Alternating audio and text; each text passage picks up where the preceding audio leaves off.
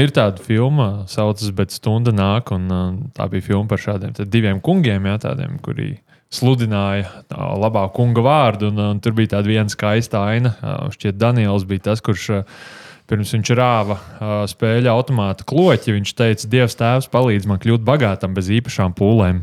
Un tad par šo arī mums šodien tā epizode. Jā, mēs esam aicinājuši studijā tuvāko, ko mēs varējām atrast dievam un tēvam. Kurš ir kurš to? To atstāsim izdomāt pašiem. Tur Selīna savu darbu ir izdarījusi. Tālākais paliek jūsu pusē. Tad Valters Vestmans, programmas neatkarīgais investors, partneris raidījuma jaunu un bagātu producents. Un Aija Brīkša, Latvijas Bankas finanšu pratības eksperti. Sveiciens! Čau! Un tad runāsim par bagātību, kā strauji un bez īpašas piepūles kļūt bagātam. Vai tas ir iespējams? Vai tas ir iespējams? Pirmais vaicā, pirms mēs vaicājām, kā kļūt bagātam, mums ir jāsaprot, kas tā bagātība vispār ir. Un tad varbūt tāds jūsu subjektīvs vērtējums, kā jūs vērtējat, kurā brīdī cilvēks ir bagāts, ko tas vispār nozīmē. Vai tev ir jābūt miljonam kontā, un tad esi bagāts, vai arī tam ir varbūt kaut kāds filozofiskāks nozīme, kā jūs to skatāties. Ir tāds teiciens, es nezinu, kas ir autors un, un vēsture par to klusē, bet bagāts ir tas, kuram pietiek. Un kaut kādā ziņā tā, tā doma arī. Man varbūt nav tāds ļoti, nu, tā kā, nezinu, cik subjektīvs ir mans vērtējums par to, kas ir bagāts, bet tas, kā mēs finanšu pratības jomās to skatāmies, nu, tas lielais mērķis ir, tā, mēs to saucam par tādu finansiālo labbūtību. Un finansiālā labbūtība sastāv no tādiem diviem uh, fa divu veidu faktoriem. Viena ir objektīva, un otra arī subjektīvie faktori. Un objektīvie faktori ir tas, vai tev pietiek naudas šodienai, vai, viņas, vai tev tā pietiks arī nākotnē. Un tie subjektīvie faktori, vai tu nu, neatkarīgi no tā, cik daudz tā nauda ir, vai tu jūties droši par to, ka tev pietiks šodienai, un par to, ka tev pietiks arī nākotnē, un vai uh, nav tā, ka nauda ierobežo to, ko tu domā, ko tu dzīvē vari sasniegt. Nu, es tā, es tā jā, uzreiz tā pa nopietno. tas, tas, ko minēji par to, ka nauda nav ierobežojums, tas ir tas, par ko parasti visi šie finanšu koči runā, minot maģisko frāzi finansiālā neatkarība vai finansiālā brīvība. Ja? Ka nauda vairs nav faktors, kas tevi satrauc. Principā es varu darīt visu, un man tam pietiks. Nu, es domāju, ka visu darītu, jebkurā gadījumā nevar. Nu, labi, Tur tam noteikti ne... kaut kādas robežas ir, bet uh, Nu, jautājums, vai tu vari arī nezinu, kaut kā adekvāti novērtēt, kas ir tas, ko tev vajag darīt. Arī nu, kaut kādā ziņā tur no, no, noteikti kaut kādam samērīgumam jābūt ar tām vēlmēm un, un to naudas, naudas daudzumu. Jo, kā mēs zinām, jo vairāk naudas tev ir, jo dārgākas ir lietas, kuras tev ir nepieciešamas. Nu, tāds, tāds ir tā kā, tur kaut kāds bezgalīgais ieslēdzas. Valter, tavs vērtējums? Man te ir divi stāsti. Viens ir, es atceros, vidusskolā es gāju Mēs precīzi šo pašu draugiem jautājām, nu, kā, kā tev liekas, kurā brīdī cilvēks ir bagāts. Un viens klases biedrs pateica tādu frāzi, kas man nu, baigi iespiedusies atmiņā uz visu dzīvi. Viņš teica, nu, man liekas, ja ģimene var atļauties dzīvot privātā mājā, nu, tad tā ir bagāta ģimene. Es tajā brīdī aizdomājos, nu, es uzaugu privātā mājā. Es nevienā brīdī neuzskatīju, ka es būtu bagāts, jo man bija draugi, kam ir lielākas mājas, foršākas mašīnas, vairāk kabatas naudas dod. Es tagad nevienā brīdī neiedomājos, ka kāds man skatās un domā, ah, viņš gan jau ka bagāts, jo mājā dzīvo. Un uh, otrs stāsts ir, uh, es vairs neatceros, kur, bet es uh, skatījos interviju ar vienu no uh, bijušajiem Goldman Sachs investīciju bankas uh, vadītājiem, uh, Lloydu Blankfeinu, man liekas, tā viņa pareizi izrunā, um, kuram tas saucamais net worth ir apmēram 1,2 miljardi. Un viņš arī intervijā teica, es, es toču neesmu bagāts. Jo Viņam tā frāze, kāpēc, bija tāda, ka, ja es nopirktu Ferrari, man būtu jāuztraucās, ka es viņu nesaskrāpēšu.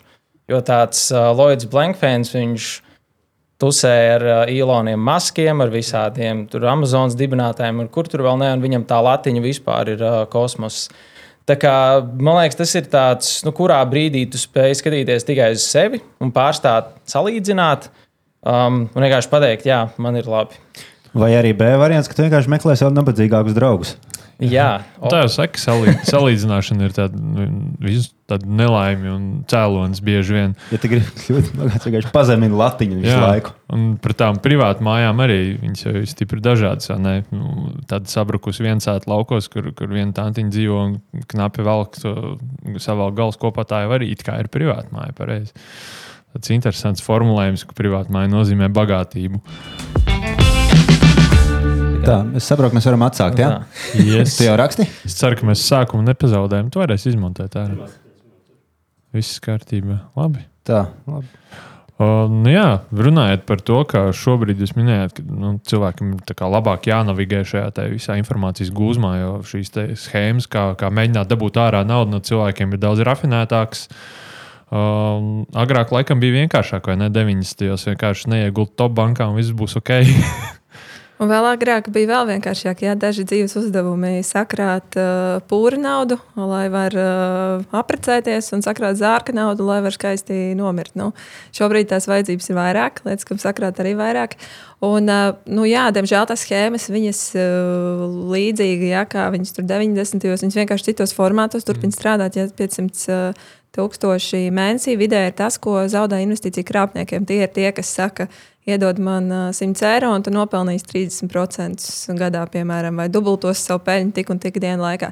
Nu, Diemžēl tā schēma joprojām dzīvo, viņa vienkārši izplatās varbūt plašāk un dažādākos veidos. Nu, šobrīd jā, viņi daudz, daudz ātrāk izplatās. Tur pietiek ar dažiem sociālo tīklu reklāmām, mm. fejkām mājaslapām. Vienu aizver cieti, jau pēc stundas ir nākamā atvērta tieši tādā pašā izskatā, vienkārši ar nu, kaut kādām nomainītām detaļām. Tas viss ļoti, ļoti ātri šobrīd iet uz priekšu. Vai tāds regulējums, kā ierobežot šādu krāpniecību, tiek līdzi šiem krāpniekiem? Netiek. Netiek, jā. netiek šobrīd, diemžēl, netiek. Tā pieminot par krāpniekiem, ir tā, ka no vienas puses viņus uh, ir viegli uz viņiem uzrauties, no otras puses īstenībā ir diezgan grūti uz viņiem uzrauties, ja tu zini dažus tādus uh, vienkāršus trikus. Un tur ir tādi četri vienkārši punkti. Uh, Pirmais ir, vai tu saproti, no kurienes nāks peļņa. Nu, ja tev pasaka, iedod man 100 eiro, es tev došu 300. Nu, Paprast, no kurienes tas nāks, kāpēc, kāpēc lai kāds varētu tā trīskāršot naudu, un te var kaut vai uztaisīt tādu latviešu runājot, common sense čeku. Padomājiet, tu, nu, kur tu varētu trīskāršot naudu gada laikā. Un tas varētu būt, var būt azartspēles, un varbūt, ja tev ļoti paveicās biznesā. Un uh, skaidrs, ja tu lietas naudu azartspēlēs, nu, pazaudēt iespēju tur ir ļoti, ļoti, ļoti liela. Ja tas ieliec uh, biznesā un nopelna nu, teiksim, trīskārt šo gadu laikā, tas jau ir šausmīgi liels risks, nu, ka tas arī varētu pazust. Un tas ir kaut vai tāds jā, common sense checks. Otrā lieta, ko pārbaudīt, ir kādu peļņu tev sola. Un te tāds zelta likums, ko es parasti saku, ir, nu, ka viss virs 10% gadā var tikt uh, pieņemts nu, plus mīnus kā augsta riska. Uh, Uh, tas uzreiz nenozīmē, ka ar kādu krāpniecību vienkārši tev jāapzinās, ka tas ir samērā augsts risks, jo tas tikai referencē pret vidējo ilgtermiņa akciju tirgus atdevi. Nu, tā vienkāršot runājot. Trešā lieta, ko pārbaudīt, ir, ja tu kādam dod naudu, pārbaudi, nu, kas tas ir, kas ir īpašnieks, pagūglē nedaudz apkārt, ko tu par viņu vari dzirdēt. Um, un ceturtais ir, ja tu kādam dod pārvaldīt naudu, pārliecinies, vai viņam ir uh, licence to darīt. Teiksim, ja tev cilvēks saka, hei, iedod man naudu, es viņu ieinvestēšu, un tad es to došu atpakaļ. Šādam dalībniekam, jābūt, šādam cilvēkam vai iestādēji ir nepieciešama attiecīgā licence, nu, ka viņš drīkst to darīt. Ļoti labi. Daži punkti, konkrēti rīcība, kas ir jādara, lai netiktu apkrāpts. Varbūt tā, ja vēl ir kāds papildus punkts, ko pievienot. Latvijas banka.CLV, ne, bet banka.CLV, tad, tad ir šī datubāze pieejama, kur var tiešām pārliecināties, ja tu gribi investēt naudu, uh, ierakstīt uh, meklētājā, vai tu atrodi konkrēto uzņēmumu, konkrēto piedāvājumu. Ļoti labi punkti. Uh, bet uh, arī, nu, kas tajā krāpniecībā man liekas ļoti svarīgi, ir, uh, ir saprast, jā, nu, ka nauda nav tāds. Uh, par brīvu ir tikai iespējas lasdā, un tā nauda ļoti, ļoti augsti, ļoti ātri un strauji nevairojās. Vienmēr kāds eh, nopelna, ja tu nopelni, tad, eh, kā jau Valters teica, tad kurš zaudē. Un no kurienes nāk šī, šī lielā negaidītā peļņa. No otrs, tas ir arī vēl pēc tiem pamatprincipiem, ko es liku klāt, ka vienmēr atceries, ka uh, Nu, tev ir tā kaut kāda sava universālā atslēga, kas ir smart ID izskatā vai citu kā, līdzīgu autentifikācijas rīku izskatā. Un tas ir tas, nu, kā, vienīgais, kas sar, sargā to tavu nu, pieeju tavai mm. naudai. Un tie tavi personas dati šobrīd ir. Nu, kā, jāsargā tieši tāpat, kā mēs kādreiz nu, tur mājas atslēgas sargājam. Un mēs nedodam kā, nu, svešam cilvēkam uz ielas paturēt savas mājas atslēgas vai kā, iedot, nu, pamēģini, varbūt, ka tu vari iet iekšā un tad paskaties, ko tu tur no nu, apmēram redzi. Nu, mēs tā kā ļoti tādas lietas, fiziskas lietas, mums ir vieglāk kā, saprast, ka viņas ir jāsargā. Līdzīgi arī, kur mums bija tā fiziskā nauda, fiziskais maciņš, mēs viņu kā, turam un nevienam svešniekam neusticam kā, tur paskatīties vai pateikt, ko mēs ar to maciņu varētu izdarīt. Nu, šobrīd man liekas, par tiem digitālajiem pakalpojumiem tā domā jābūt ļoti līdzīgai. Es īstenībā gribētu pamēģināt vienkārši nomest zemē parasto atslēgu un cerēt, ka tas čels vai, vai sieviete, kas viņu pacelsies, mēģinās atslēgt katru tūkstošu durvis. Viņš jau nezina, kurām durvīm viņa tā atslēga. Viņam vienkārši kaut kāda atslēga. Man pirms daudziem gadiem apzaga dzīvokli, kad pa, paskastītē bija atstāta atslēga. Tā nu kā... paskastītē tā makes sense, jā. Varbūt tev durvīs varēja iebāzt. Um, Bet ar tiem smart ID nu, tas ir līdzīgs. Tas ir līdzīgs princips. Tu vienkārši kādam atstāji savu atslēgu, cerībā, ka viņš tev izdarīs uh, tieši kaut ko labu. Mm. Mm. Jā, tad uh, akciju tirgus, kā es saprotu, nav veids, kā ritīgi ātri kļūt bagātam stāvus. Bez piepūles. Bez piepūles. Jā. Es teiktu, ja, pa, ja, ja ļoti man patīk sākums. Man Nē, patīk nu, sākums. Tas, zikā, ja es pateikšu, kategorisku nē, tad uh, kāds liekas, ka nē, bet tur ir viens mm. izņēmums no miljonus. Un viņam jau arī būs taisnība, jo kādreiz jau kādam vienmēr paveicās. Tu vari nopirkt uh, kaut kādu Netflix akciju, kad viņi maksāja 2 eiro, paiet pārdesmit gadi, un viņi ir 300 eiro. Nu, forši, bet tas nav nu, tā, trīs mēnešos. Tas ir jāpagaida nedaudz. Jā, Kādam arī varbūt ar to momentu loteriju arī reizēm pareizi. Nu, jā, precīzi, jā, tu varbūt vairs nemaz netiec vairs tajā savā. Uh, Maciņā, kur tas pircis, es atceros, bija tie stāsti par tiem cilvēkiem, kas bija joka pēc nopirkuši bitkoinu pašā sākumā.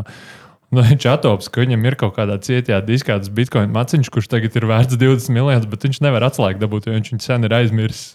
Viņam ir vienkārši 20 miljonus vērts cietais disks, kur neviens nevar atvērt. Mums ir tendence domāt par sevi kā par izņēmumiem kopumā, bet problēma ir tāda, ka pārāk daudz domā par sevi kā par izņēmumiem. Līdz ar to mm. uh, tur uh, var rasties. Uh, kļūda. Tātad, ja tu vēlēsies justies īpaši, tad nedomā par sevi kā par īpašu. Mēs jau esam noskaidrojuši divas lietas. Tur neko neatšķiries no pilnīgi standarta cilvēka. Otra lieta - meklē nabadzīgākus draugus. Jā, tieši tā. Uh, bet vai ir teiksim, tā, nu, akcijas, kas ir drošas pret uh, to nu, zaudējumu totāli, ka viņi aizies līdz nulē, vai nav tāda akcija, neeksistē, kuras būtu pilnīgi droša investīcija? Tur ir jāpavelk bilde nedaudz atpakaļ un jāsaprot, nu, kas tās tādas akcijas vispār ir. Un pēc būtības, ja tu nopērci uzņēmuma akcijas, tu esi nopircis uzņēmuma daļu. Mm -hmm. Tas nozīmē, ka tu esi līdzīpašnieks un tev pienākas daļa no peļņas, ja uzņēmumam iet labi. Akciju cenām vajadzētu augt, ja uzņēmumam iet slikti, no tā akciju cenai vajadzētu kristies. Un, uh, man, piemēram, ir bijusi saruna uh, kaut kādus gadus atpakaļ arī ar tēvu, kur uh, viņš ir minējis, ka tad jau labāk pirkt nekustamos īpašumus, akcijas, tas tāds abstrakts papīrītis, kas lidinās gaisā. Bet nu, man tēvs uzņēmējs, un es viņam teicu, nu kā, ja es nopirktu vienu procentu no tava uzņēmuma, katru 100 eiro, ko tu nopelni sev, no tiem viens eiro būtu man. Tā kā, paldies par tavu darbu. Tā, tas ir nu, pēc būtības tas, kas tā tāda akcija ir. Um, ja jautājums ir par risku, nu, tad ir divi veidi riski. Viens ir uh, risks naudu pazaudēt pavisam, tiešām, kad nu, čiks un gatavs un uzņēmums bankrotējis. Tāds risks vienmēr pastāv.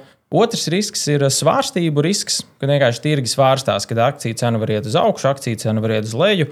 Un, uh, ir tur simts un viena lieta, kas to var ietekmēt. Un, uh, ja tu gribi pasargāt sevi teiksim, uh, no tā riska, to naudu pazaudēt pavisam, um, it īpaši arī, ja tu esi amatieris, nu, ir tas ieteikums vienkārši neskatīties uz individuālu uzņēmumu akcijām, nepirkt individuālus uzņēmumus. Jo ir viens uh, piemērs, ko cilvēki arī saka, vai teiciens, investē uzņēmumos, uh, kurus tu lieto, nu, piemēram, to garšo kola, pirkšu kolas akcijas. Nu, man liekas, tas ir labs veids, kā desmitgadniekam izstāstīt, uh, kā strādā akciju tirgi un kā viņam sākt radīt par to interesi.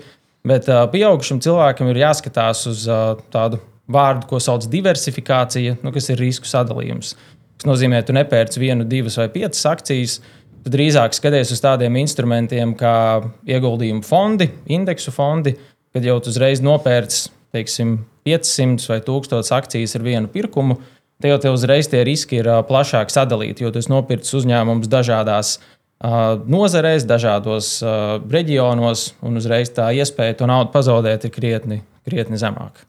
Jā, Piekri, piekrītot Valtram, tur jau ir tā lielā māka, nu kā tev ir daļa no uzņēmuma, tu nopirci šīs uzņēmuma akcijas, un tā lielā māka ir saprast, kur uzņēmumu nopelnīs un kur uzņē, uzņēmumu nenopelnīs. Un tas arī ir tas galvenais nu, atslēga tam, vai tu, vai tu vari novērtēt, kurš uzņēmums tev nesīs peļņu, nu, kā vienam no uzņēmuma līdzi, līdziepašniekiem, vai arī tas uzņēmums tev nenesīs peļņu, un tev ir jābūt pietiekami nu, zinošam, lai varētu to kaut kādā veidā novērtēt. Līdz ar to akcijas eh, ir viens no ieguldījuma veidiem. Ieguldījuma veidi ir dažādi. Vēlams, jau tu vairākus nosauca. Eh, ir tādi, kuriem eh, tas risks ir mazāk, un tur, tur kur jau kāds cits tavā vietā to olu sadalīšanu pa dažādiem groziņiem ir veicis. Tur, protams, tā, tā piepūle ir mazāka, jo tev pašam nav jāizvērtē, vai šis konkrētais uzņēmums būs tas, kurš nopelnīs, vai tas, kurš zaudēs. Nu, vai, vai viņam būs tā attīstība pietiekami liela vai nebūs.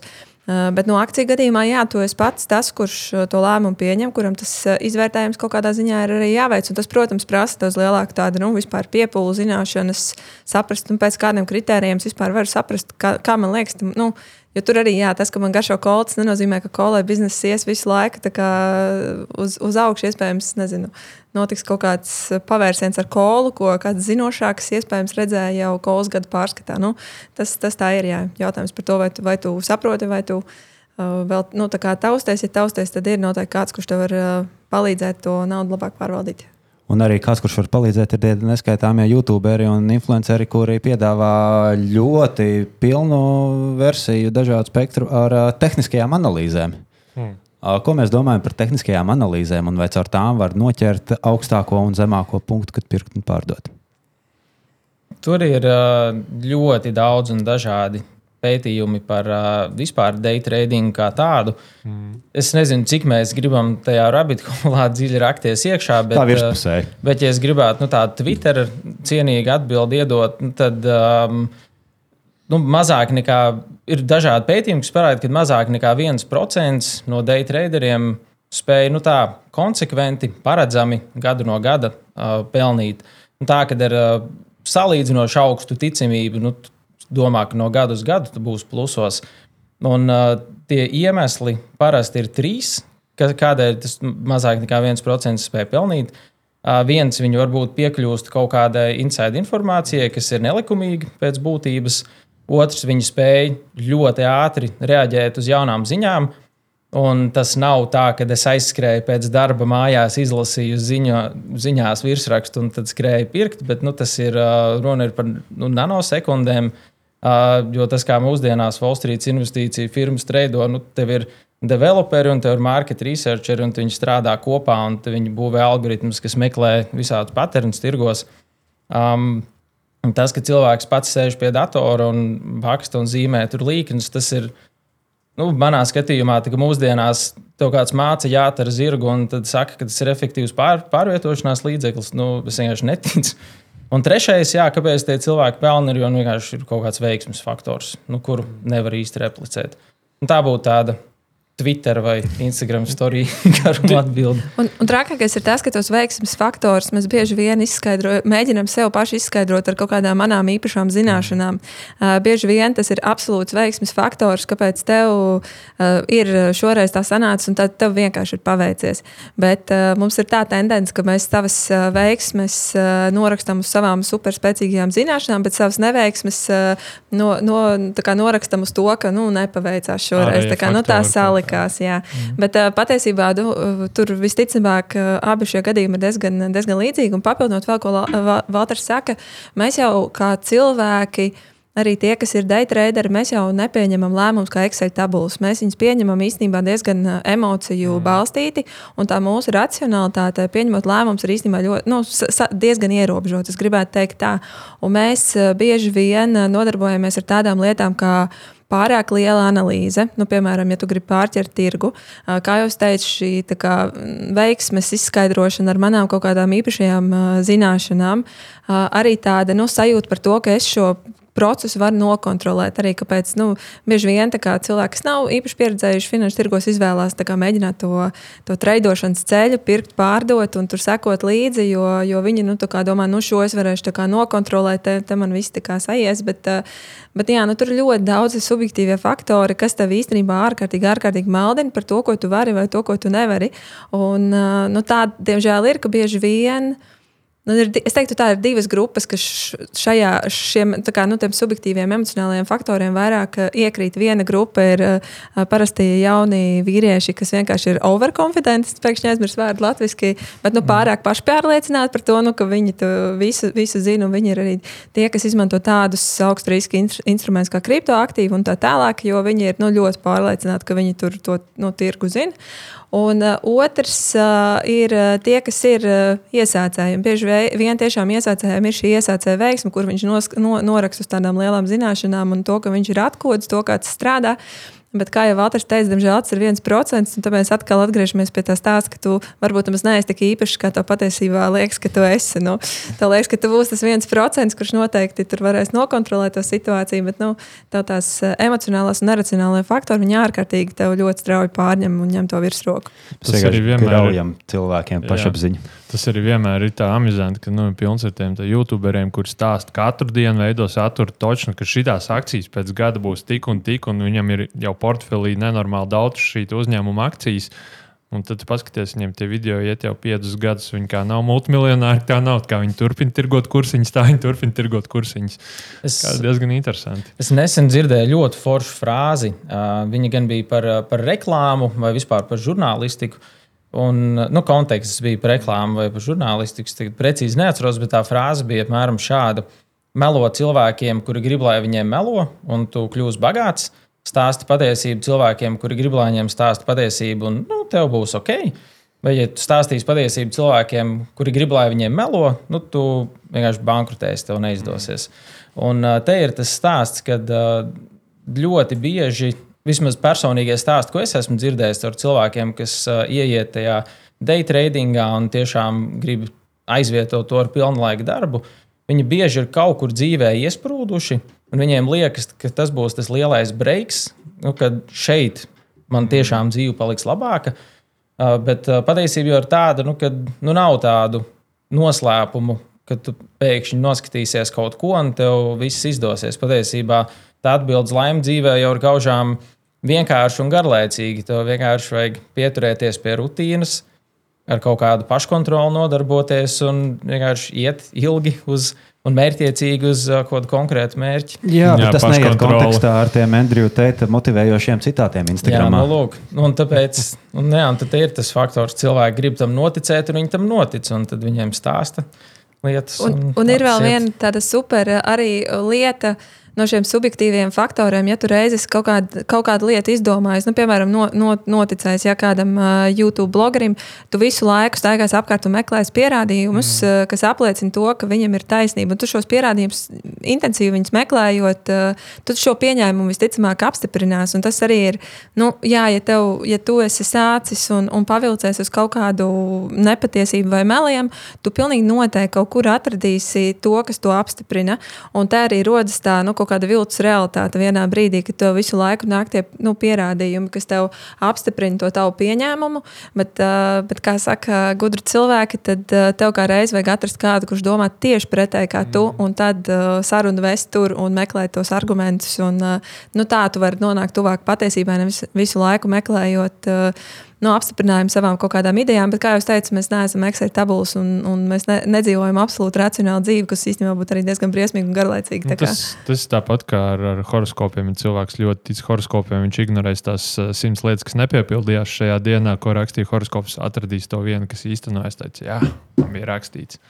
Bet pieņemsim, tagad mūs klausās uh, jaunie cilvēki, kuriem ir uzkrāta nauda. Vai viņiem visu uzreiz vajadzētu iet un sākt investēt, vai arī cik liels ir tas drošības pilvens, kur tev vajadzētu atstāt? Jo dažādas teorijas dzirdētas, ka uh, investē tik daudz, cik tev nav daudz žēl zaudēt. Uh, tad atkal ir citi, kas uh, saka, ka tur nezinu, varbūt labāk uzkrāt zeķē. Kā, kā sadalīt cilvēkam to naudu, pirms viņš sāk investēt? Es noteikti nepiekrītu tam, ka investēt tik, cik tā nav žēl uh, zaudēt, jo mēs investējam arī visu savu, piemēram, pensiju uzkrājumu. Man būtu ļoti žēl zaudēt visu savu pensiju uzkrājumu. pensijas uzkrājumu tā kā man liekas, ka tā, tas varbūt nav gluži tas, pil, pilnīgi, tas pirmais moto, pēc kura vajadzētu vadīties. Bet, uh, nu, jā, nu, tas pirmais ir drošības pilvens, par ko mēs runājam. Tie ir 3, 3 līdz 6 mēnešu izdevumi, uh, kas ir nauda, kurai ir jābūt ļoti operatīvi pieejamai. Situācijā, ja tev, piemēram, pēkšņi saplīst ūdens vats, lai tu vari uh, paņemt naudu vai tev piekš, pēkšņi ir jāpaņem slimības lapa, un tu vari sev kaut kādu laiku nodrošināt, nu, kas tev neiedzer kaut kādā nu, finansiālā bedrē. Un tad, kad tev šī operatīva pieejamā nauda ir, nu, tad pārējais jau ir, ko tu ar to dari. Tur ir ļoti daudz iespējas tālāk nākamajam solim. Jā, tieši tā. Ir, ja domā vispār par to drošības pilvenu, ir daudz un dažādas puses, kā uz to var skatīties. Tev ir jāizsver Vai tev ir kaut kādi tiešām pabalsti pieejami, vai tev ir ģimene, kas tev var atbalstīt, kāds tev ir teiksim, darbs, ja tu pazaudē darbu, cik ātri tu varētu atrast jaunu vietā. Un tur atkal ir, uz to var no ļoti daudz pusēm skatīties. Tādā Twitter atbildes formātā atkal varētu pateikt, nu, ka tāds standartiņš ir uh, trīs mēnešu tēriņus uzkrāt. Uh, Ir daudzi, kas saka pret to, bet uh, kā es personīgi skatos, kāpēc man tie trīs mēnešu tēriņi liekas interesanti. Jo pat ja tev ir labs darbs, tu pazaudē darbu, ok, tev ir bezdarbnieku pabalsts, bet ar uh, bezdarbnieku pabalstu viņš tev ļoti ātri motivē atrast jaunu darbu. Un, ja tev ir iekrāti teiksim, 3 līdz 6 mēnešu tēriņi, tad kopā ar bezdarbnieku pabalstu tu pat teju gadu vari nu, nedarīt principā neko. Un es atceros savā dzīvē pirmo reizi, kad es nu, kad man tas noklikšķēja, kad es paskatījos, cik man stāv krājkontā nauda. Un tiešām, ja es aizietu no darba, cik ilgi varētu izdzīvot ar to tikai ar bezdarbnieku pabalstu uzkrājumiem. Un vienkārši pārņem tādu dīvainu sajūtu. Nu, tiešām tā bācis varētu gadu sēdēt uz dīvāna, nedarīt neko, nebūtu man luksus dzīve, bet nu, es varētu gadu nedarīt absolūti neko. Un, tā ir tā tiešām ļoti, ļoti, ļoti forša sajūta. Un, ja skatās, cik daudz un kā investēt, atkal jautājums ir, kurā dzīves posmā tu esi. Ja tu esi jauns, teiksim, 20 kaut kas gadi, tu visticamāk esi star karjeras startā. Varbūt tev krietni izdevīgāk ir meklēt, kā investēt sevi. Tur uh, pirkt kursus, grāmatas, apmācības, vienkārši meklēt veidus, kā celt ienākumus, kā attīstīties, pašattīstīties. Jo tas, ka tu no 23 teiksim, līdz 30 gadu vecumam tiešām darīsi visu, lai celtu ienākumus, nu, no tā tev tas return on investment būs krietni, krietni lielāks nekā, ja tu nu, to naudu būs ielicis kaut kur malā. Bet tā kā ja tev tā teikt, alternatīva ir to naudu vienkārši notriekt, tad, nu, tad labāk investēt. Viena super svarīga lieta no tā, ko tu teici, man liekas, ir tā finansiālā brīvības sajūta. Uh, ko tu minēji, jā, ja tu saproti, ka tu kaut kādu laiku vari nu, darīt to, ko tu vēlēsies. Tas tev iedod tādu brīvību arī daudzās citās dzīves jomās. Piemēram, tev nav jāpaliek attiecībās, kurās tu iespējams esi finansiāli atkarīgs, un tev vienkārši nav kur, kur, kur likties. Tev nav jāpaliek tādās darba saistībās, kurās tev iespējams izdedzina bojā tavu veselību un tā tālāk. Un tu vari, nu, kopumā tas ir par to finansiālo labbūtību, ka tev ir tāda tā kā, cerība, un tev ir tā brīvība, un tā brīvības sajūta, man liekas, ir kaut kas ārkārtīgi nenovērtējams. Un tad, kad mēs nu, domājam par to savu uzkrājumu, bieži vien tāda smaguma sajūta. Jo, nu, protams, tajā brīdī tā ir nauda, no kuras tu kaut kādā ziņā atsakies un noliec viņu kaut kādā maliņā. Bet tas, ko tu īstenībā, nu, kā tu vari to skatīties, ka tu vienkārši noliec naudu, lai nu, tu varētu to savu finansiālo brīvību nofinansēt. Un tā, man liekas, ir ļoti, ļoti laba sajūta tiem, kas to piedzīvo. Man liekas, es dzirdu ļoti labas tādas. Uh, sajūtas, tad, kad tas notiek. Tas ir labs atsauksmes. Ja? Divi no trīs respondentiem iesaka izmēģināt. Ah. Vai iespējams veikt iekrājumus, ja tev ir neliela ienākuma? Jo mēs šobrīd runājam par iekrājumu veidošanu, bet ir cilvēki, kuri ļoti daudz saka, kā tad lai es izveidoju iekrājumus, ja man ir ļoti neliela ienākuma? Dzīvo no rokas mutē, principā nekas nepaliek pārējām. Kā iekrāt šādiem cilvēkiem? Man šķiet, ka nu, ļoti daudz dzīvo no rokas mutē nevis tāpēc, ka viņi nevar to atļauties, bet tāpēc, ka viņiem nav absolūti nekādas kontrolas par savām finansēm. Un tā, man liekas, arī ir tā, tāda lieta, kas ir, kur ir ļoti svarīgi apzināties. Protams, ir iedzīvotāji, kuriem ir ļoti, ļoti zemi ienākumi. Un, mm. un, uh, tur jā, nu, neko tādu, man liekas, daudz vairāk kā, nu, meklēt veidus, kā palielināt ienākumus, mēs nevaram ieteikt. Bet nu, tāds Latvijas iedzīvotājs vidējais ar vidējiem ienākumiem arī saka, ka es dzīvoju no rokas mutē, man jau nekas mēneša beigās nepaliek pāri, ko tad lai es atlieku uzkrājumam. Un to man liekas, ir tā ļoti, ļoti liela domāšanas kļūda. Uzkrājums nav nauda, kas paliek pāri mēneša beigās. Uzkrājums ir nauda, ko tu ļoti mērķiecīgi mēneša sākumā atliec vislabāk ar automātisko maksājumu. Ne, lai tev nav katru mēnesi šī kaulēšanās ar sevi, nu, cik tad es atlikšu un vai es atlikšu, bet šo, šomēnes man ir tādas lietiņas plānotas. Bet, nu, nē, kad uzliec to automātisko maksājumu mēneša sākumā, pirmajā dienā, kad tev ienāk uh, alga kopā ar kredītu un visu pārējo. Un, un tad tas uz, uzkrājums veidās, veidojās, un uh, to summu jau tu nosaki pats. Tu vari izdomāt plānu, kā tu viņu kāpini, vai no cik tu sāc, vai kāds tas mērķis ir.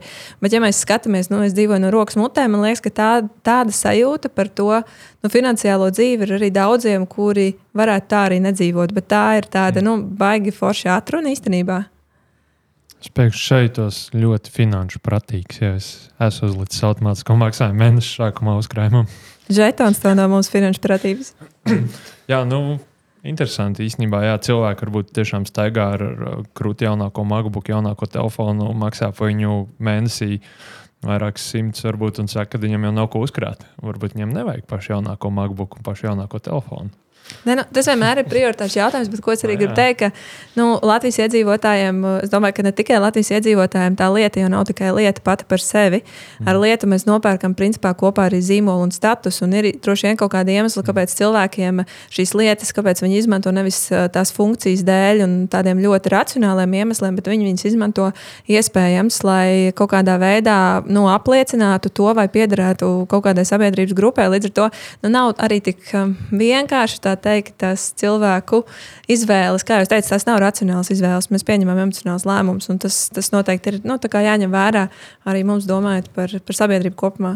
Es varu diezgan droši apstiprināt, ka arī šajā ziņā Edžam pienākās žetons, jo pastoties uz viņa datoru, var saprast, ka viņš taču neko nemēģina tas apliecināt. Tas ir darba dators. Tieši tā. Bet tad ir jautājums, kur šos uzkrājumus veidot? Jo vai aizvien eksistē un ir prātīgi to naudu uzglabāt zeķē? Vai inflācija apēdīs visu un nav jēgas turēt zeķē? Jā, te ir arī tāds katra personīgās kaut kādas emocionālās drošības jautājums. Tā varētu būt nosaukt, jo katram cilvēkam ir nu, sava summa. Ja viņa stāv tiešām ātri pieejama, nu, viņa viņam liek justies droši. Piemēram, ir tāds uzņēmējs Aleks Formozī, Kaut kādā intervijā viņš stāstīja, ka viņam kopā ir apmēram 80 miljoni, no kuriem 15 viņš vienkārši tur nu, bankā. Viņš pats saka, saprotu, jā, nav gudrs lēmums, inflācija apēd, bet uh, nu, man tas liek justies droši. Um, tas ir tas, uh, tas pirmais, kas ir katram pašam jāsaprot. Un otrais, kas ir jāsaprot, nu, kad inflācija ir diezgan nežēlīga, ir tāds zelta likums, kā uz pirkstiem var izrēķināt. Ja tu paņem skaitli 72, izdala ar inflācijas procentu, teiksim, inflācija ir uh, 2%, 72 dalīt, uh, dalīts ar 2, cik tas sanāk 36. Tātad 36 gados pie 2% inflācijas naudai zūd puse no vērtības. Inflācija ir 4%, tad jau tas ir, uh, cik tas sanāk, rūpīgi rēķinot, kaut 15 gadi, 16, kaut kas tam līdzīgs. Uh, Es nemāku ātri rēķināt galvā. un, tāpēc galvenais ir nu, apzināties, kas ir tas līmenis, pie kura vienkārši tev vajag to drošības sajūtu. Mm. Bet, ja tu gribi krāt vecumdienām, un tev šobrīd, piemēram, ir 30, nu, paies tie 30 gadi, un nu, tai naudai nu, nebūs nekāda, nekāda vērtība principā. Es domāju, ka naudas zeķē es uzreiz iedomājos tādu fizisko zeķi, kur man stāv skaidra nauda, un es gribētu nedaudz skaidrs. Jā Jā, tieši tā.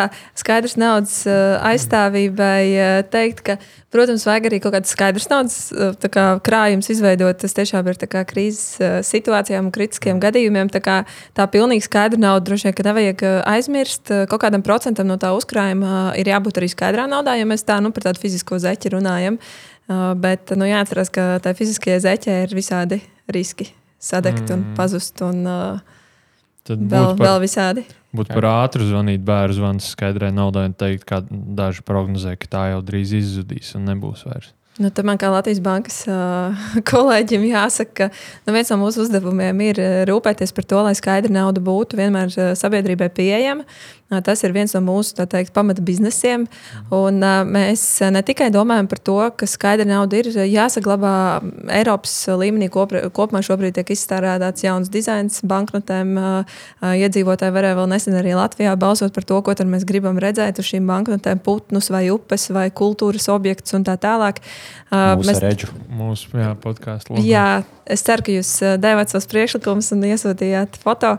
Bet nu, par, to, par to kopumā mēs domājam, nu, kā tā nauda var izskatīties vēl, vēl labāk, vēl drošāk un tā tālāk. Un, uh, mums ir uh, Latvijā gan uh, nu, kopumā eh, parakstīts memorands par to, ka skaidrai naudai ir jā, jābūt pieejamai. Ir tad, tad eh, vairāk nekā tūkstoši šie bankomāti, un simts no viņiem ir ar kritiski svarīgu nozīmi. Arī, lai krīzes situācijā, teiksim, stundā X, eh, skaidra nauda būtu pieejama un iedzīvotājiem būtu iespēja bankomātos viņu izņemt. Tad šī ir tī, tā saucamā kritisko bankomātu karte, kur katrs var apskatīties, kur tu stundā X dodies. Un bankām ir jānodrošina kritiskie finanšu pakalpojumi pakalpojumi, tostarp skaidra nauda, uh, arī, arī ļoti kritiskos gadījumos. Tā kā es teiktu, ka skaidra nauda galīgi nav. -hmm. Pa skuju taku sākus iet. ja skaidru naudu ir ārkārtīgi daudz aizraujošas sazvērstības teorijas, kad uh, viņi mēģina mūs uh, atņemt, lai bankas varētu mūs piegot. Un, uh, nu, tur ir virkne. Visi norēķina tikai digitāli, lai varētu izsekot, ko mēs darām ar saviem līdzekļiem. Ja. Vai Bet jūs es... sekojat līdz šīm uh, bankā, piemēram, teorijas? Jā. Tas ir ļoti interesanti, tāpēc ka uh, nu, blokķēdes kriptoaktīvi radās, lai, uh, lai tā būtu revolūcija tam, ka nu, naudas darījumi un finanšu darījumi ir izsakojami un tā tālāk. Uh, nu, tagad, jā, tad par otru, otru kā, aspektu ir tāds satraukums, bet nē, nu, mēs, mēs redzam, jā, ka sabiedrībā satraukums ir digitālais eiro, iet sev ceļu uz, uz priekšu diezgan pārsteidzošā kārtā viņš tiešām ir iegūst ļoti daudz tādas teik, teikas nokrāsas, dažādas, bet nu, digitālā eiro mērķis kopumā ir vēl vairāk paplašināt iedzīvotāju iespējas norēķināties, un skaidra nauda arī mēs tieši tāpēc rūpējamies par to, lai viņi vienmēr būtu pieejami, tāpēc ka cilvēkiem ir jābūt iespējām izvēlēties, kā viņi norēķinās. Tas var būt digitālais eiro, tas var būt skaidra nauda, tas var būt nu, jau šobrīd esošie digitālai finanšu pakalpojumi. Tas viss, viss ir tikai lai iespējas paplašināt, un katrs varētu to vēlamo izvēlēties. Bet, kā jau teicu, nē, nav šobrīd galīgi nekādas pazīmes, skaidra nauda varētu. Tad jūs pazust. bankā arī nesēžat un neskatāties, ko Eģis šodien pirka veikalā. Ja? Mēs, diemžēl, vismaz savā bankā to neredzam. Bet, arī Bet tā... kādā bankā iespējams to redzam? Bet arī tāda veida cilvēki, kas šos komentārus izsaka, nu, parasti viņi lieto iPhone, Google, Chrome. Un, nu, tā liekas tāda runāšana par, par neko. Tāpat kā cilvēki bieži arī komentē, ai, nevajag investēt akcijās, labāk pirkt zeltu. Un tad prasa, nu, bet tev ir tas zelta klucis mājās, vai nu tu vienkārši kaut ko tādu raksti. Nu, mm. Nu, man liekas, tas no tās sērijas ir. Bet tas par tiem meliem, nu, tad, kad tu izdomā kaut kādu savu kā, patiesību vai pieņem kaut kādu savu, savu patiesību, tu visur atradīsi uh, pierādījumus tam, ka tas tā noteikti arī notiek. Ja tu meklēsi trīs stūrus, tu atradīsi trīs stūrus, uh, jebkurā telpā es varu apsolīt. Tas, man liekas, ir nedaudz arī par to, ka, uh, to, ka tas, uh, nu, jā, tas sazvērstības teorijas, viņas, diemžēl, dzīvo diezgan tādu savu, savu tādu dzīvi, un cilvēki, es domāju, arī daļa no viņiem tādā lielā, pilnā pārliecībā to arī dara. Tas ir jāņem vērā vienkārši tur. Bet es dzirdēju, izskanām vārdu kripto. Jā, es tieši. vai, vai kripto ir principā tā lieta, ar ko mums būs jārēķinās, vai ar to var nopelnīt un kļūt bagātam, vai arī tas ir tāds liels piramīdas schēma un skēms, kā tur ir. Ja jautā man personīgo viedokli, es neesmu liels kripto fans. To es esmu arī daudzkārt teicis.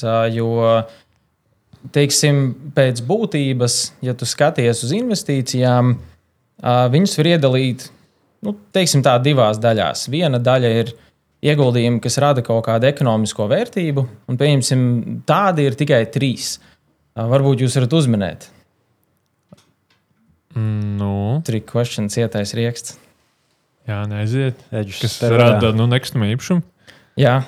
Uh, tad šīs tā arī akcijas uzņēmumos. Jā. Nu, kas ir trešais, Jā, tos tev. Tu esi ieskrējies, turpini. Trešais ir aizdevums un obligācijas. Jo ir tā, ja ieguldi akcijās, kā jau mēs runājam, ieguldi uzņēmumā, tur uh, cilvēki iet uz darbu, viņi kaut kā ražo mm. preces, uh, piedāvā pakalpojumus. Tur ir kaut kāda ekonomiska, ekonomisks pamatojums apakšā, kāpēc tur nauda nāk iekšā, kāpēc viņi iet ārā, kāpēc viņam vajadzētu pelnīt, kāpēc nevajadzētu pelnīt. Tur ir nu, kaut kāda pēdējās tāda īstā vērtība, ko tu vari tur aprēķināt. Ja skaties uz nekustamo, nu, ir diezgan līdzīgi tev tas, kā tu nekustamajā nu, pelni šajā ekonomiskās vērtības konceptā, ir nu, īres naudām. Vienmēr vajadzēs uzņēmumiem oficius, cilvēkiem vajadzēs kur dzīvot, mm. vajadzēs maksāt kaut kādas īres naudas, un nu, tur arī ir kaut kāda ekonomiska vērtība. Un aizdevumi uh, tie arī ir jau kopš uh, senās Mesopotāmijas laikiem. Cilvēki ir aizdevuši viens otram naudu uz procentiem. Un uh, mūsdienās arī finansēs uh, aizdevumi noteikti caur tādām obligācijām. Un, uh, tie ir principā tādi trīs vienīgie, kam ir nu, tāda ekonomiska vērtība, kaut kāds pamatojums apakšā. Uh, Viss pārējais, vairāk vai mazāk, ir uh, nu, savu veidu spekulācija. Tu nopērci cerībā, ka tu varēsi pārdot dārgāk, nu, piemēram, zelts. Zelts ir vienkārši metāla klucis, tu viņu nopērci, viņš tev stāv plauktā, viņam vienīgā vērtība ir tā, ka viņš labi izskatās. Nu, varbūt viņu varēs pārdot dārgāk, varbūt nevarēs. Skatoties vēsturiski, arī no 80. līdz 2000 gadiem zelta vērtība 20 gadus gāja uz leju. Tagad pēdējos 20 gadus viņi ir gājuši uz augšu, varbūt viņi nākamos 20 arī ies uz leju. Nu, nav nekas, kas to nosaka, izņemot nu, tas perekupu metodi. Um, un kripto es lieku tajā pašā maisā, jo nu, es neesmu tur sapratis nekādu ekonomisku vērtību. Vienkārši viņš tur ir.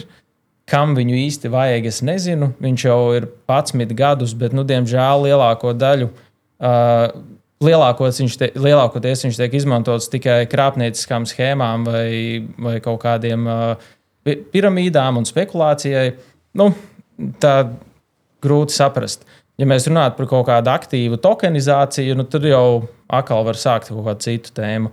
Bet uh, kripto kā tāds, es nezinu. Jo, piemēram, arī ja strādā, uh, varbūt tā ir komentēt labāk, bet uh, cik es esmu sapratis par digitālā eiro projektu, uh, nu, tādā nu, piektās klases līmenī, ja es skaidrotu, es sapratu, ka uh, vienkārši Eiropas centrālā banka ir paņēmusi tā, to tehnoloģiju idejiski, un ir tāds paldies, un nu, mēs varam taisīt to valūtu digitāli. Mums nevajag tur ne bitkoinu, ne ēteri. Nu, tas ir tāds kaut kāds blakus projekts, produkts.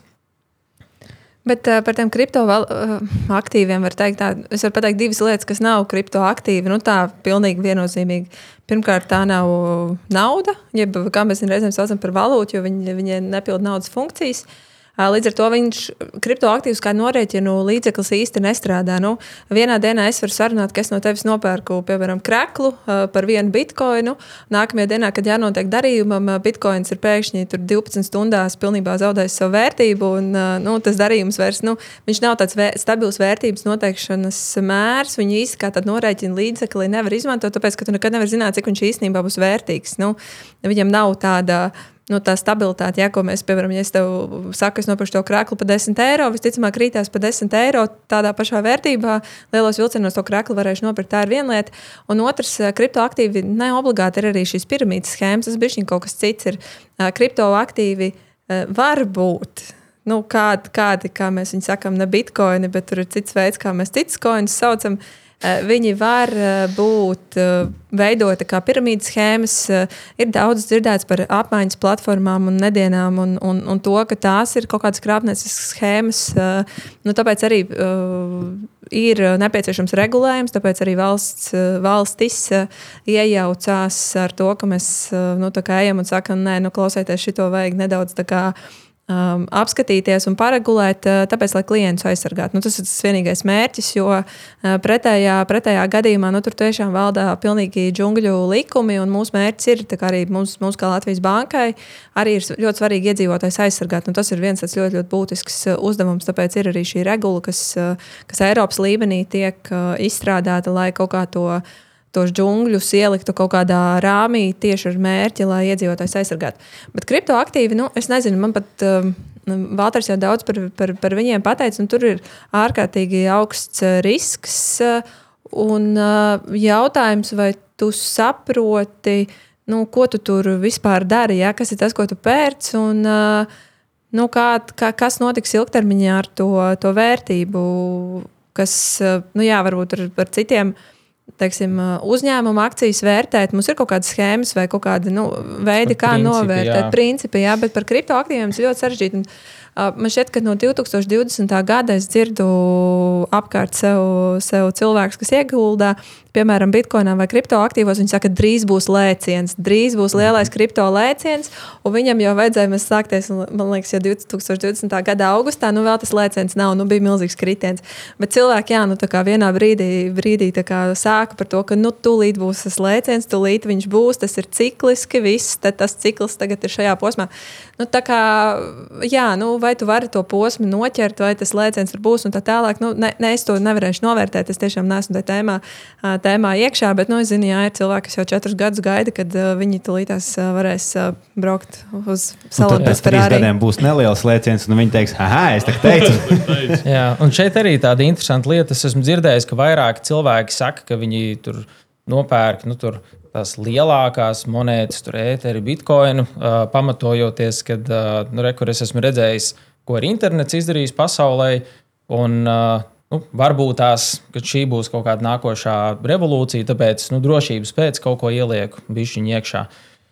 Bet eh, šeit es atkal pavelku bildi atpakaļ. Iedomājieties, ir 90. beigas, un tev kāds teikt, ir jāiegulda internetā. Ko tas nozīmē? Pirkt vadus, rūterus. Nu, ka, ka, kas tas īsti ir?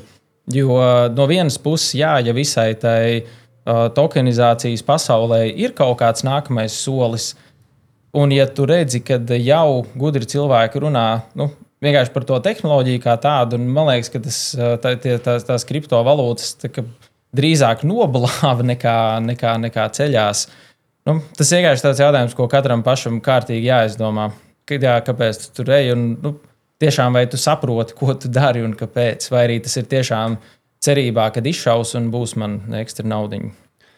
Katrs pats ir arī druskuļi padomājis, nesūtīs mums uh, virknīt jautājumu, pie kuriem mēs šobrīd vērsīsimies pie klausītāju jautājumiem. Lūk, un, Šo tu jau esi izvēlējies vienu, ar kuru sāksi? Ar pirmo. à, tā, ir, tā ir viena no stratēģijām. Uh, ticējums vēsta, ja tev uzrakst 15 gadus neredzēts klases biedrs, uh, viņš visticamāk piedāvās iesaistīties kādā piramīdas schēmā. Vai jūs esat saņēmuši šādas teikt? aicinājums un kā eksperti atbild uz šādām vēstulēm? Es taisu printskrīmus un, uh, un lieku mapītē. Izmantoju nodarbībās ļoti aktīvi. Tā kā jā, gadījuma analīze. Mapīte ir bieza. Mapīte, diemžēl, ir uh, bieza. Uh, un, nē, nu jā, jā, jā, jā. Es, es, saņemu, es saņemu no mammas draudzenēm, mm. tur klases biedriem arī, tur paziņām. Uh, Bieži viens brīdis bija, kad daudz telefonu, telefonu numuru jautāja. Tas bija kaut kāds, mm. kaut kāds tas viens, viens brīdis. Bet jā, nu, es viņus kolekcionēju, tos piemērus. Es reizēm pat viņus patestēju, jo man vajag tikt kādreiz dabūt printskrīnu no lapām. Mm. Un tad ienāku tajās lapās iekšā, lai es varētu saprast, cik tālu var aiziet un cik tālu es varu šo dokumentēt, ko tur var izdarīt. Nu, to es apmēram daru ar šīm ziņām. Man ir rakstījuši ne tikai klases, bet, bet arī skolotāji. Nopietni. Man ir viens uh, draugs, kurš man rakstīja pirms kāda pusotra gada. Es gaidu, kad apaies apaļ divi gadi. Es viņam uzrakstīšu, pavaicāšu, kā viņam veicās ar viņa ieguldījumiem. Jā, nu, arī es par tiem es nevienmēr varu saprast, uh, saprast, vai to raksta pats cilvēks, vai to raksta, vai to raksta kaut kas cits. Tā kā, nu, es nezinu, nu, jebkurā gadījumā, nu, uh, ir jāuztrenē. Es teiktu, tā visam ir jābūt tas sākotnējais filtrs. Nē, nē. Nē, nē, nē. nē.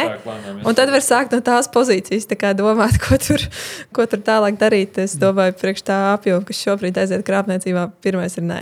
Man vakardien bija ātrākais nē, manā dzīvē, jo parasti es dzirdu, ka zvanu šie krievu valodā runājošie, kas piedāvā kaut kur ieguldīt. Man nekad nebija bijis, jutos nedaudz apdalīts.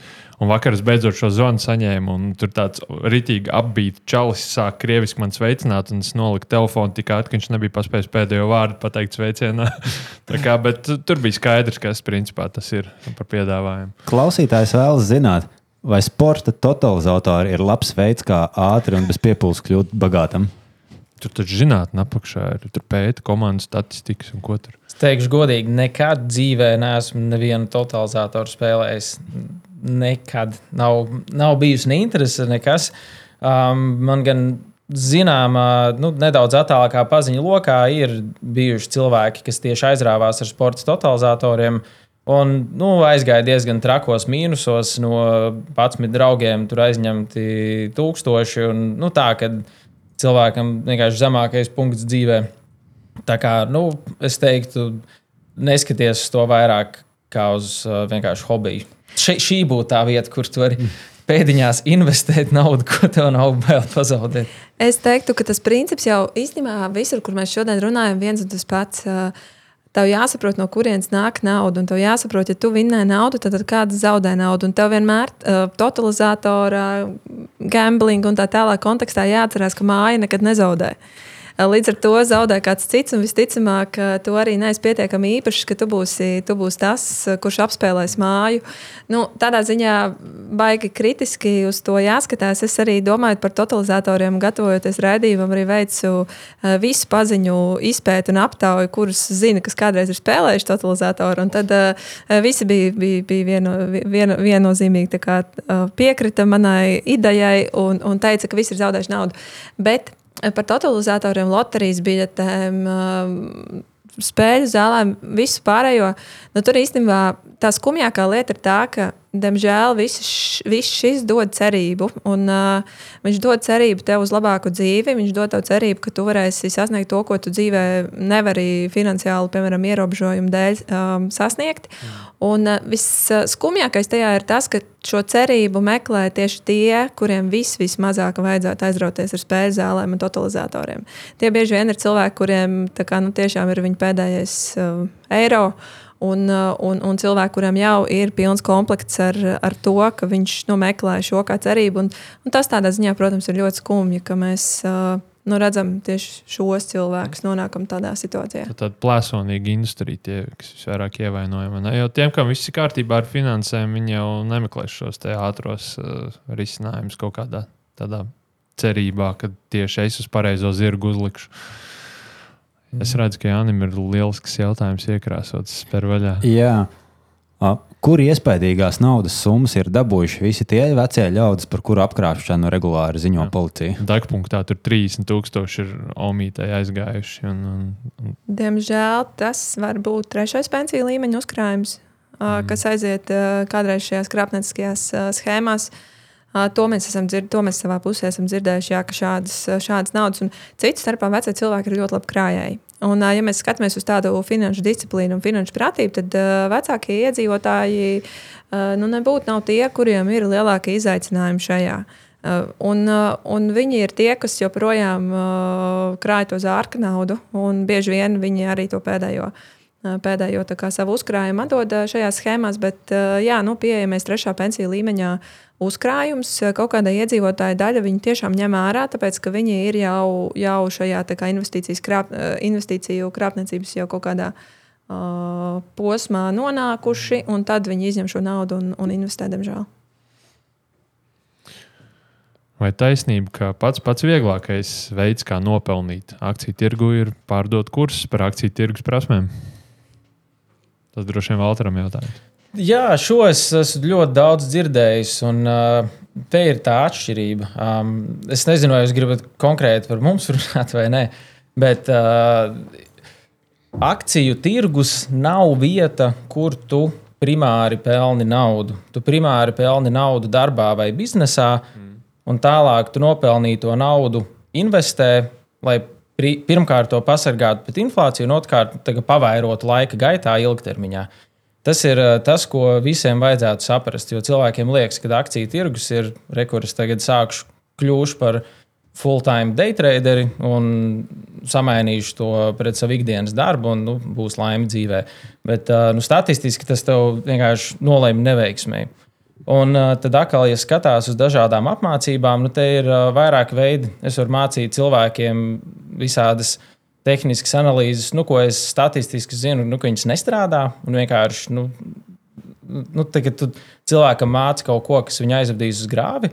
Un otrs variants ir uh, vienkārši iemācīt cilvēkam pamata finanšu pratību, saprast, kas ir viss, par ko mēs šodien runājām, un uh, saprast, uh, kā izvēlēties brokeri, kā vispār strādā fondi, kā strādā akcijas, kā strādā obligācijas, kā tu ievadi rīkojumus, kā būvēt portfeli, kā ilgtermiņā to portfeli uzturēt, brīdī atkal, kā tu pārmaini stratēģiju no kapitāla audzēšanas uz kapitāla tērēšanu, jo tur arī ir par to daudz nepadomāt.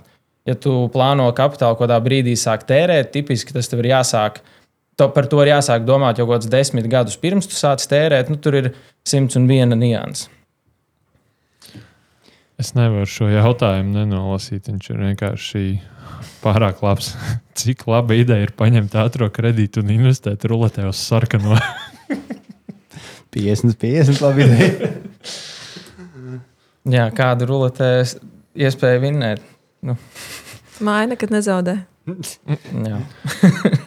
Mums izskanēja jau trešais pensiju plāns, tika piesaukts. Klausītājs grib zināt, kad viņam ir vēlākais, kad vajadzētu pieteikties preš, trešajam pensiju plānam.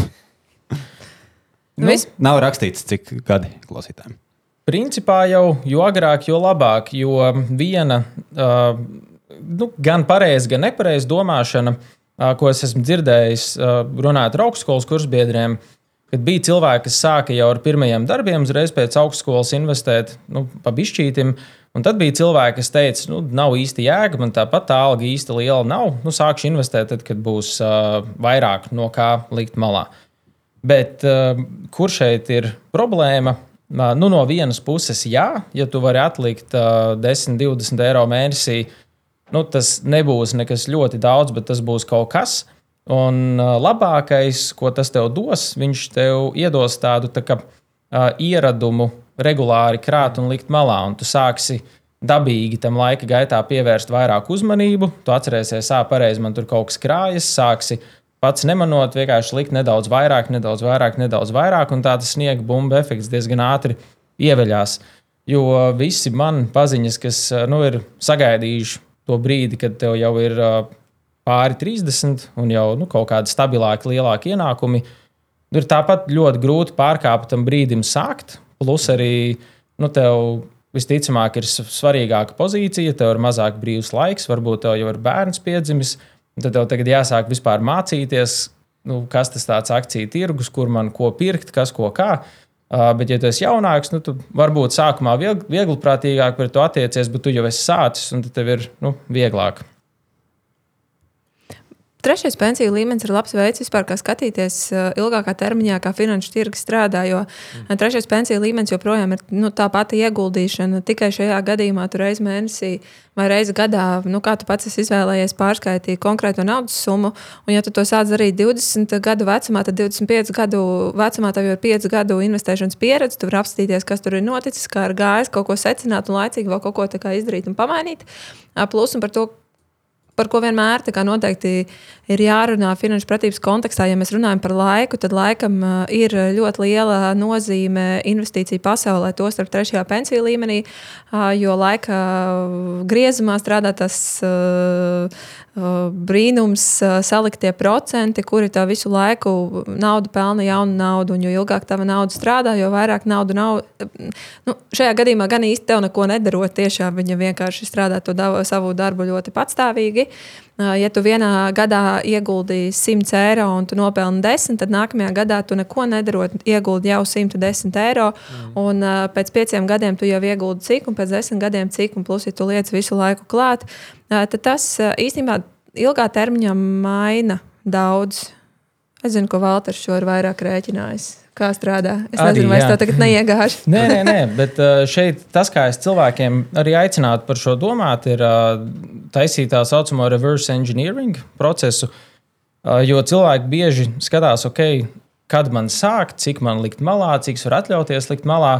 Bet tev drīzāk vajadzētu skatīties, kādu dzīves līmeni es gribētu tajā brīdī, nezinu, kad es dodos pensijā, vai tas ir pie 65, vai es gribu agrāk doties pensijā, apmēram 55 gadu vecumā. Uh, Un, uh, jo šobrīd tevi uztur tavs cilvēka kapitāls, nu, kas ir tava galva un rokas.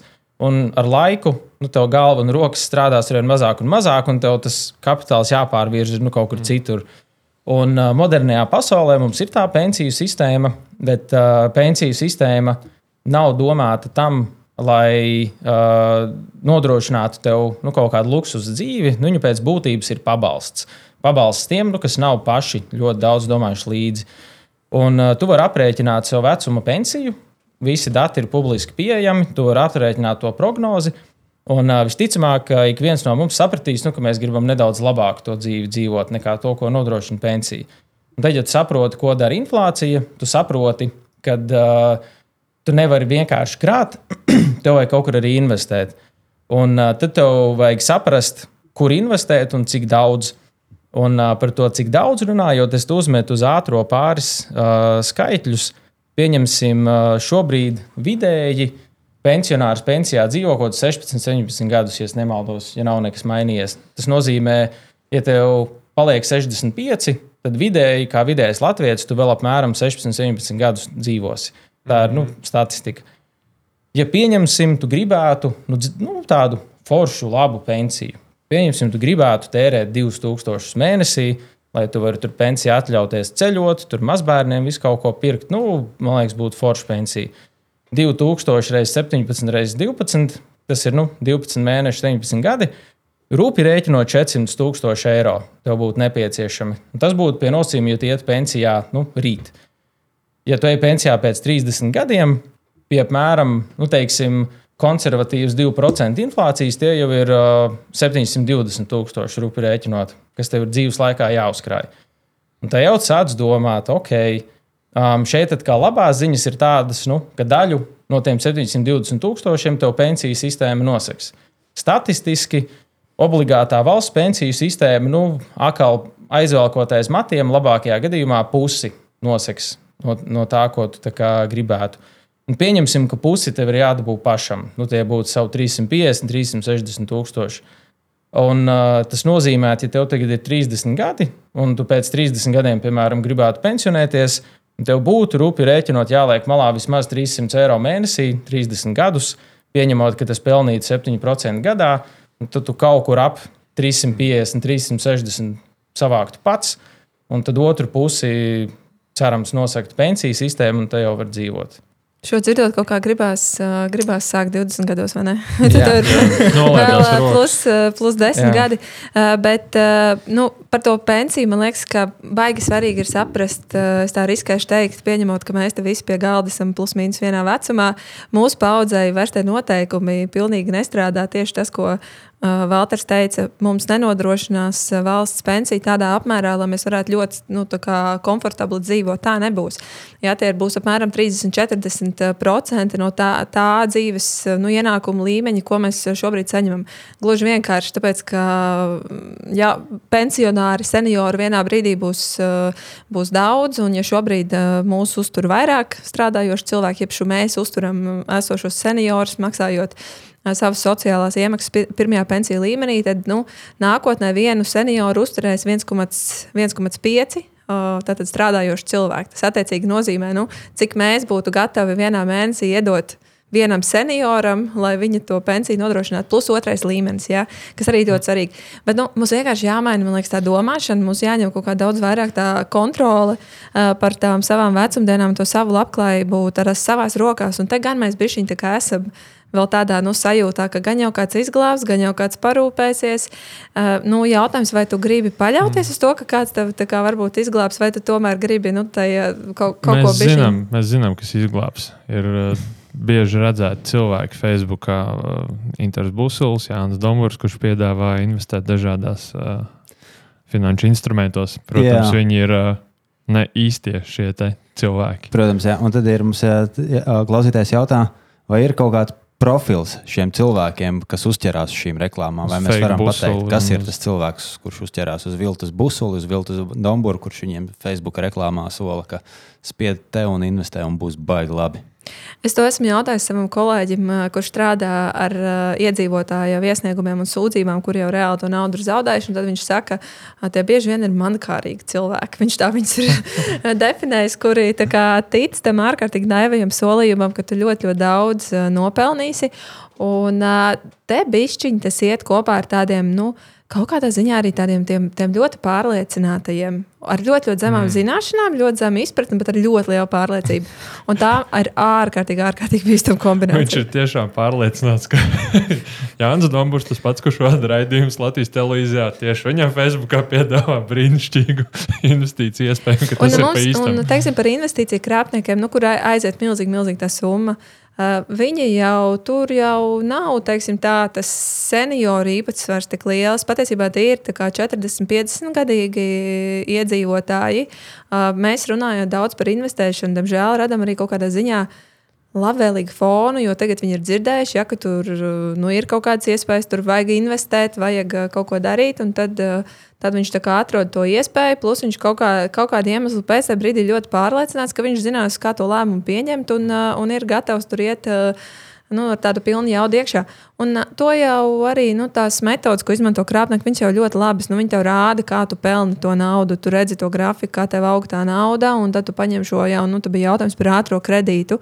Tu paņem vēl kredītu, tu vēl ieliec vēl papildus naudu, jo tu redzi, nu, ka tu ar to, kas tev ir, tu nevarēsi pietiekami daudz nopelnīt, un tev ir tas āķis lūpā, un tu tikai redzi, kā tev tur aug. Un, un tad vienā brīdī tās, tās problēmas sākās. Tur tas viss ir ārkārtīgi pārdomāts. Un tajā mēs nerunājam par tādiem amatieriem, kas mēģina nu, kaut ko tur, tur izdarīt. Mēs runājam par organizēto noziedzību, kas tiešām šīs lapas eh, taisa eh, ļoti straujā tempā, ļoti pārdomātas. Eh, viņi tāpat kā mēs pēta iedzīvotāju uzvedību. Es domāju, ka viņiem tas, tas process ir, nu, ja valsts pusē spētu tik labi organizēt procesus, kā to dara šie krāpnieki, tas, tad mēs tiešām būtu pie ļoti daudziem inovatīviem risinājumiem ļoti, ļoti strauji un operatīvi tiktu. Uh, ir viens jautājums, kurus vienkārši nolasīšu, pat varbūt negaidu ziņu atbildēt, bet man, mans jautājums ir jānolasa. Vai taisnība, ka viena no veiksmīgas kriptovalūtu tirdzniecības atslēgām ir zila žaketes valkāšana virs laša krāsas krekla? Nu, tas ir izskanējis. tas ir svarīgi. Jā. Visi zinām, par kuriem Instagram kursiem ir runa. Un tad ļoti vienkārši jautājums, vai Tesla aizvien ir laba akcija, ko pirkt? Tas ir labs jautājums. Jā. Ļoti labs. Atbilde ir, tāda, atbild ir tāda, ka uh, nu, to grūti ir pateikt, jo Tesla arī ir tā problēma, ka uh, Teslas akcija ir atkarīga no tā, ko Ilons ietvīto. Tam tā nevajadzētu būt normāli mūsdienu pasaulē, bet diemžēl tas tā ir. Un, uh, jā, ko viņi izdomās darīt nākamo 50 gadu laikā, nu, diemžēl es neesmu burvis, nezinu, grūti spriest. Jā, tur kā, man liekas, ļoti daudz eh, jautājumu. Tas ir nu, pat priekš akcijas. Viņi pat ir ļoti augsta riska, riska uzņēmums, ko ko iegādāties. Un, uh, un Ilons Masks, jā, viņš tiešām nu, viņš ir gadījums, jā, kurš var ietekmēt uh, investoru rīcību ne tikai ar Teslas akcijām, bet mēs atceramies, ka vienā brīdī viņš ļoti uh, darbojās ap kriptoaktīvu Dogecoin, mm. kura vērtība arī ļoti strauji mainījās atkarībā no tā, ko viņš ietvīto, vai ko viņš dara, vai kā Twitter lietotāji nobalso. Nu, jā, tas es negribētu, lai nu, mana nauda būtu atkarīga no no viena cilvēka kaut kādām tādiem subjektīviem faktoriem. Es, es, es tādu ceļu laikam neizvēlētos, bet tas ir katra paša nu, ziņā. Mēs jau tā nevaram. Tur ieteikt vai neieteikt. Ja kāds tagad manas dēļ neieguldīs Teslā, bet pēc 15 mm. gadiem Tesla būs uzlidojusi debesīs, tad uh, vainos mani, bet tā nedariet paši, pieņemiet lēmumus. uh, Podkāsts tojās. Uh finišam. Ja es domāju, ka mēs sākām ar tādu uh, filozofisku jautājumu par bagātību, tad mēs arī varam tādu filozofisku jautājumu iesūtīt, uh, finišēt. Kā podkāstu viesi tērētu pēkšņi laimētu miljonu? Miljonu, saki. Um, apaļš miljons. Apaļš Pieņemsim, miljons. ka eiro nevis uh, Šrilankas rūpīs.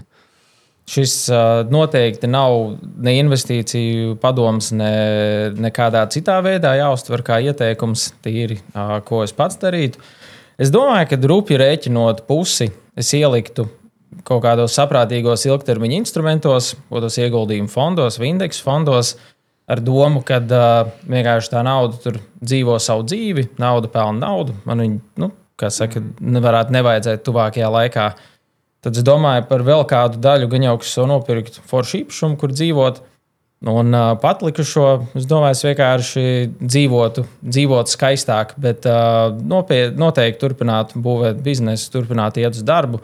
Jo nu, man vēl ir 30, un ar miljonu nevar nodzīvot līdz mūža beigām. Es, uh, man pirmā reakcija, kāds man saka, tu esi laimējis miljonu, ir nē. Nē, nē, nē. tas būtu pirmais, kas man nāk prātā. Bet, nu, ja, tur, ja, tur tieši, ja tur tiešām es būtu laimējis miljonu, īstenībā Līdzīgi kā Valteram, nē, nu, pirmā doma īstenībā ir investēt. Godīgi es varu pateikt, ka man dzīvē nepietrūkst ļoti daudz lietu, jo es esmu tāds, nu, teiksim, tā minimalistisks dzīves stila piekritējs. Man, jā, varbūt arī kaut kā šajā dzīves posmā galīgi tur tāds nu, kā tur zīmoli vai, vai kaut kāds tas status apliecināšana. Tas nav varbūt lieta, kas man, man personīgi ir ļoti, ļoti svarīga. Līdz ar to es tā diezgan vienkārši uz tām lietām skatos. Man liet, lietas nav tādas, tad es varētu šito šito, šito nopirkt. Es kādreiz esmu par to domājis, citu, kas būtu tas, ko es nopirktu, ja man būtu neierobežots resurss, bet tā arī neesmu izdomājis. Bet noteikti man gribētos vairāk naudas investēt, uh, investēt uh, un, un beidzot man būtu nu, tāda kārtīga summa, pie kuras es jau varētu domāt, kāds izskatās mans superportfelis un, un kopā ar, ar investīciju padomu sniedzējiem licencētiem es uh, izdomāju, ko ar to naudu darīt. Un tad es pabeigtu savu, man, man uh, nekustamais īpašums ir, bet es viņu gribētu, gribētu paveikt. Bet īstenībā nu, tādas ļoti lietas, kas, kas man liktos, uh, nu, nu, tāda, gan, tāda gan būtu, nu, tādas marmora grīdas, varbūt neieliktu, jā, tas varbūt nebūtu tāds mans. Un tas arī par to bagātību, ziniet, kā par to, ka man varbūt tiešām vismaz šajā brīdī tāda sajūta, ka man nevajag ļoti daudz, lai man, būtu, lai man pietiktu par to filozofisko. Kā, uh, posmu. Tādā ziņā ļoti patīkama sajūta. Jā, bet, bet iedomājieties, tu, tu nopelni daudz naudas investējot šo miljonu, un tev beigās ir vēl vairāk naudas, ko tu nezini, ko iesākt. Jo tev neko nevajag, un viss ir. es ar šodien teikšu, ka es zinu, kā tu tērētu miljonu. Tu nopirkt raķešu mašīnu, zelta. zelta māju un aiziet apēst sīpolu. Es kādreiz domāju par to risku, kas notiks, ja es nenodzīvošu tik tālu, lai es varētu iztērēt visu savu, savu uzkrājumu. Nē, nu man ir, man ir mantinieki sagādāt līdz ar to. Tas varbūt ir. Tad, jā nedaudz vienkāršāk. Senioru vecumā ar, ar miljonus plus es, es, jā, es gribētu, gribētu ceļot. Hmm. Nu tā, tas Jā. ir tas, ko es vispār, kad es domāju par, par to laiku, kad es būšu atpūtā. Es gribu, lai tā atpūta ir tiešām tāda, ka jā, es varu aizbraukt ceļojumā. Es Tagad gribu ir... būt tas vācu turists, kurš staigā apkārt ar to fotokameru un visu bildē. Zini, kā visi grib būt vācu turisti, jā. bet baigi maz kaut ko dara. Nu, tā kā domā, mm. ka viņiem tas būs tā. šis, šis man noklikšķēja arī gadus jau daudz atpakaļ, kad es uh, biju uz vienu no Toma Kreisberga semināriem. Tas vēl bija nezinu, kāds gadus, gan astoņus, septiņus atpakaļ. Um, viņš interesanti pateica, ka visi grib būt bagāti, bet gandrīz nevienam nav plāns, kā līdz turēnē nokļūt. Un tad tā dzīvo ar domu, jā, kādreiz būšu bagāts, tad gadi iet un saprotu, ka kaut kā neesmu palicis bagātāks. Mm. Un tad tajā brīdī ir tas klikšķis, kad saproti, jā, nu kaut, laik, kaut kādu plānu laikam tomēr vajag. Vajag, eh, vajag plānu un vajag eh, parakstīt uh, sadarbības memorandu par to, ka tās zandals un zeķes mēs izlaižam, bet visu pārējo dzīvojam oh, tā, lai, jā, tā, tā. lai, lai mēs nu, tiešām varam, kā cilvēki no valstīm, kurās ir daudz augstākā finanšu pratība un joks par vācu pensionāriem, citu starpā, uh, Eh, nav nemaz joks. Viņiem ir augstākais, pēc pēdējiem pētījuma rezultātiem, viņiem ir visaugstākais finanšu pratības līmenis uh, starp uh, visām pētījumā piedalījušajām valstīm. Līdz ar to nu, viņi acīm redzot to arī kaut kādā mērā nopelna arī ar savu to pratību, gudrību, to, kas viņiem ir. Un man liekas, ka tas ir labs piemērs, uz kuru tiekties, ja godīgi. Tā saucās pieaugšana, kad tu skaties uz vācu pensionāriem bērnībā un smējies par to, kā viņi visi bildē zemes. Es gribu būt viņi. Tagad skaties ar viņiem skaudību.